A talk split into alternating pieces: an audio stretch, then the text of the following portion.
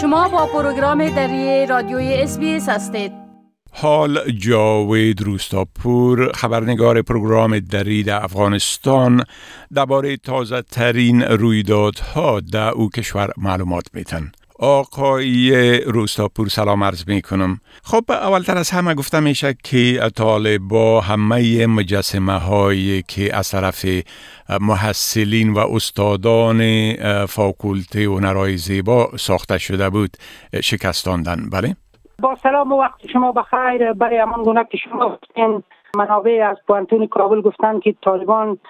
مجسمه هایی که در پوانزه هنرهای زیبای پوانتون کابل از طرف معصلین و استادان در طول سالیان گذشته ساخته بود را به صورت کل شکسته و از بین بردن و بخشهایی از این پوانزه را هم غیر فعال کردند. منابعی که نخواستن نامشان در گزارش ها ذکر شود گفتن که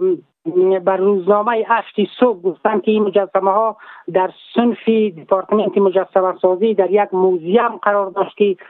طالبان تمام یار از بین بردن. بر بنیاد اطلاعاتی که منابع دادن طالبان خست به داخل ساختمان پانزه هنرهای زیبای پانتون کابل شدن و سپس به داخل یعنی ساخت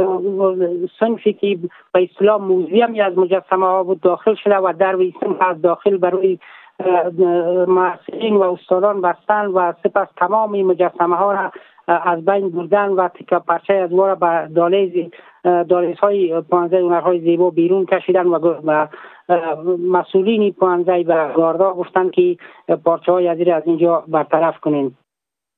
بخشی برخی از این منابع هم گفتند که گروه طالبان بخشی موسیقی و مجسمه سازی پانزه هنرهای زیبا را بستن و سرنوشت ای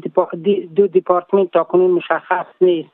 این منابع همچنان گفتند که رویه و امید میان استادان و محصلین پانزه هنرهای زیبا به صورت کل از بین رفته و تقریبا 50 درصد محصلین به پانتون نمی آیند این در حالی است که چند پیش گروه طالبان یکی دو مجسمه بزرگی که در پیش روی ساختمان پوانزه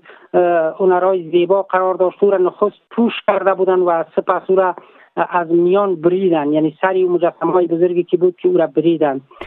طالبان چندی پیش هم دپارتمنت موسیقی را لغو کردن و بجای از این چیزی را به نام ترانه سازی اوجا ایجاد کردن که گفته استادان پانزه هنرهای زیبا هیچ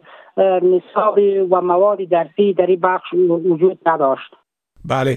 خب همچنان اتحادی دوا فروشان گفته که ممکن دوا به زودی تمام شود افغانستان. می‌تونین بگوین که علت چی هست و اینا چرا میگن که ممکن است که حتی دواهای بسیار عادی هم ختم شود؟ بله. اتحادیه وارد کنندگان دوا در افغانستان هشدار داده که اگر محدودیت های وضع داخلی و خارجی بر واردات دوا ادامه یابد.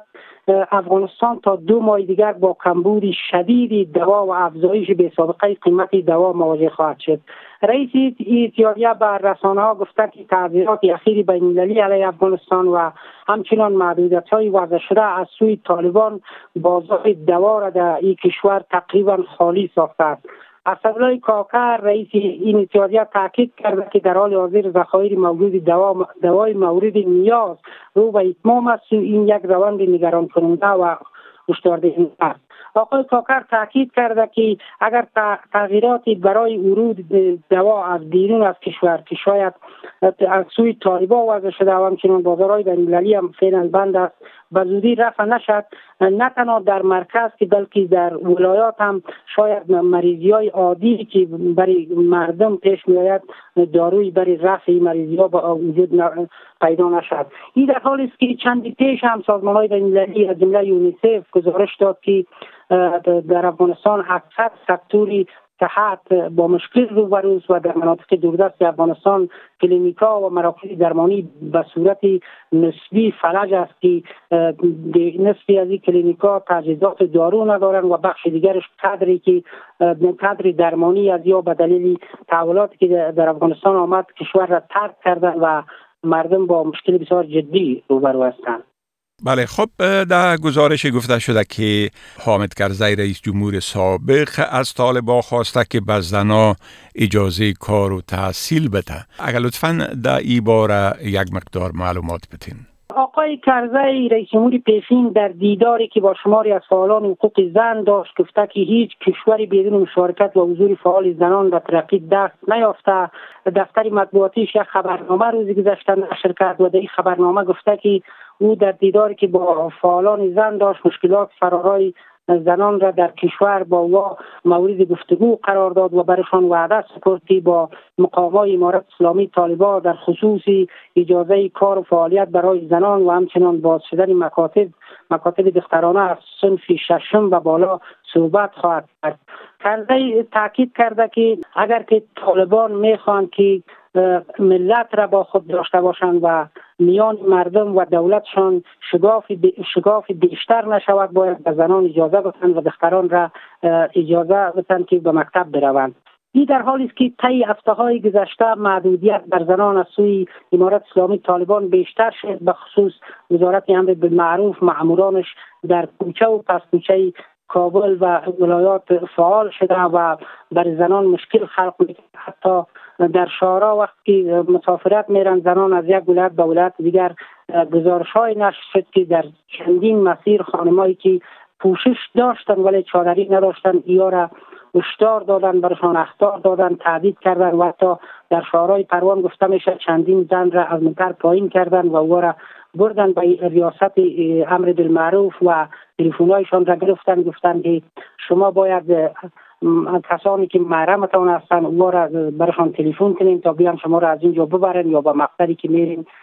اونجا شما را همراهی کنند در پیوان به این مسئله هم اگر بسیار کوتاه بگویم آخرین موردی را که طالبا وضع کردن محدودیت بر کسانی زنان بود که در رسانه ها کار می‌کردن که گفتن که باید یا ماسک بپوشن که روزی گذشتم شماری از خبرنگاران و رسانگران به رسم اعتراض تماما ماسک پوشیدن ماسک سیاه پوشیدن و به اصطلاح با زنانی که از یا محدودیت وضع شده ایرازی همدردی و همسویی کردند بله خب بسیار تشکر آقای روستاپور از این معلوماتتان و فعلا شما را به خدا می سپارم و روز خوش برتان آرزو می کنم وقت شما هم خوش خدا نگهدارتان. بپسندید شریک سازید و نظر دهید. اسپیس دری را در فیسبوک تعقیب کنید.